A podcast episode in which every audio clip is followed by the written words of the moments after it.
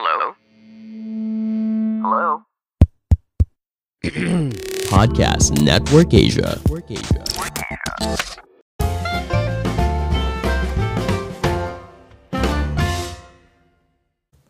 Halo semuanya, kembali lagi bersama saya Madianto. Kali ini kita akan membahas tentang cara membuat tabungan semakin banyak.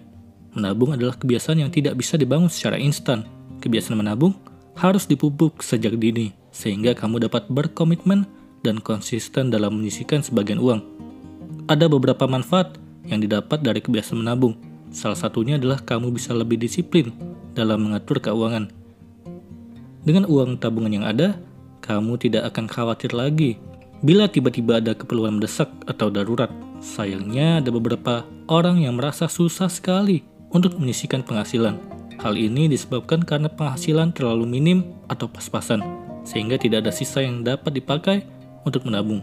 Ada pula yang sudah berhasil menabung, tetapi jumlah tabungan tidak bertambah atau stagnan di angka itu-itu saja. Lantas bagaimana cara menambah tabungan agar jumlahnya semakin banyak? Mari simak hal yang bisa membuat tabungan mengalami peningkatan. Yang pertama, hitung total penghasilan dan jumlah pengeluaran. Apabila kamu seorang karyawan dengan nominal gaji bulanan yang pasti, maka kamu bisa mulai menghitung jumlah pemasukan dan pengeluaran selama sebulan. Parameter yang digunakan adalah pengeluaran-pengeluaran yang sifatnya rutin, seperti tagihan listrik, kuota internet, dan lain sebagainya. Manfaatkan beberapa aplikasi keuangan yang menjamur dan dapat diunduh di Play Store atau di App Store. Hadirnya aplikasi-aplikasi keuangan ini dapat membantu mencatat semua pengeluaran dan pemasukan. Kemudian bandingkan antara pengeluaran dan pemasukan yang didapat.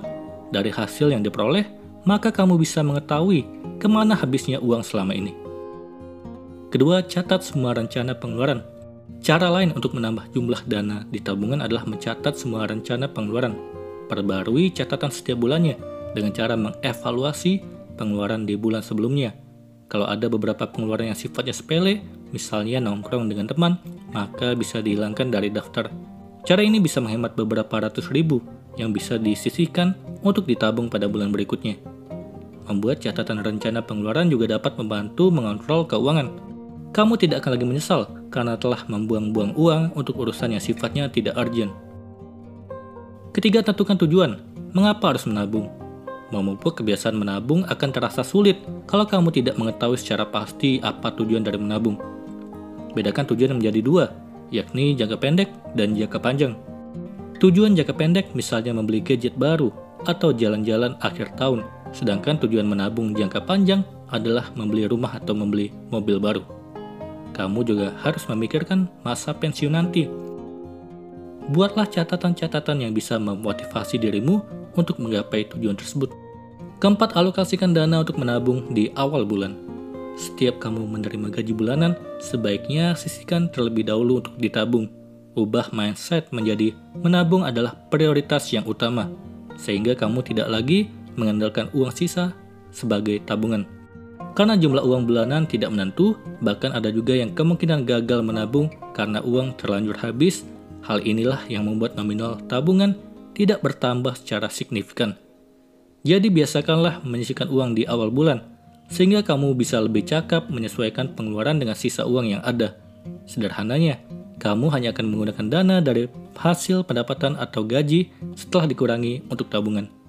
Di samping itu, kamu juga dapat meminimalisir penggunaan uang secara berlebihan untuk hal-hal di luar rencana. Kelima, menentukan besaran dana yang ditabung.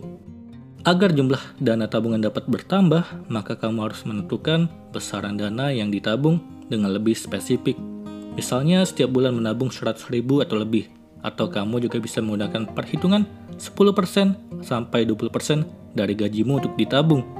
Meski tidak menutup kemungkinan kamu bisa menyisihkan lebih banyak dari itu, tapi menurut pakar keuangan, 20% dari gaji adalah nominal yang pas untuk ditabung sebagai jaminan di hari tua. Kenapa pisahkan rekening tabungan dengan rekening kebutuhan lain. Memisahkan rekening tabungan dengan rekening yang biasa dipakai untuk memenuhi kebutuhan sehari-hari ternyata dapat meningkatkan jumlah uang tabungan. Kalau perlu, uang tabungan disimpan di rekening tanpa ATM. Jadi kamu akan berpikir dua kali kalau ingin mencairkan dana tersebut. Apalagi kalau membayangkan harus mengantri dengan ketidakpraktisan lainnya. kamu juga bisa melirik deposito online dengan besaran angka mulai 5 jutaan yang marak belakangan ini. Akan tetapi, kendalanya nominal deposito masih terlalu besar. Untuk mengatasi hal itu, kamu cukup menargetkan jumlah tabungan agar mencapai angka minimal deposito. Setelah dana terkumpul, segera pindahkan tabungan menjadi simpanan berjangka. Dana ini akan aman di tabungan, bahkan bisa berbunga. Ketujuh, pakai uang tunai setiap transaksi belanja.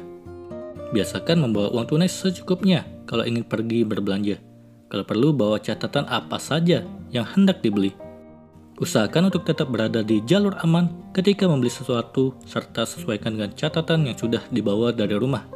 Identifikasi, kebutuhan, dan keinginan.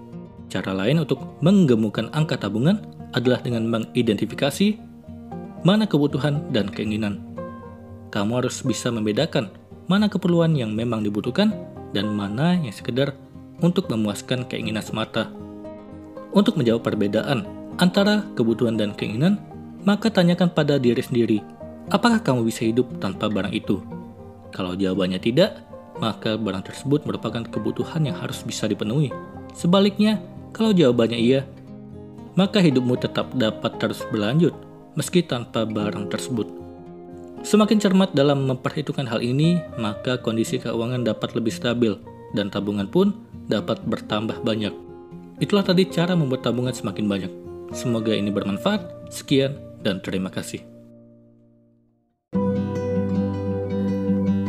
Pandangan dan opini yang disampaikan oleh kreator podcast, host, dan tamu tidak mencerminkan kebijakan resmi dan bagian dari podcast Network Asia.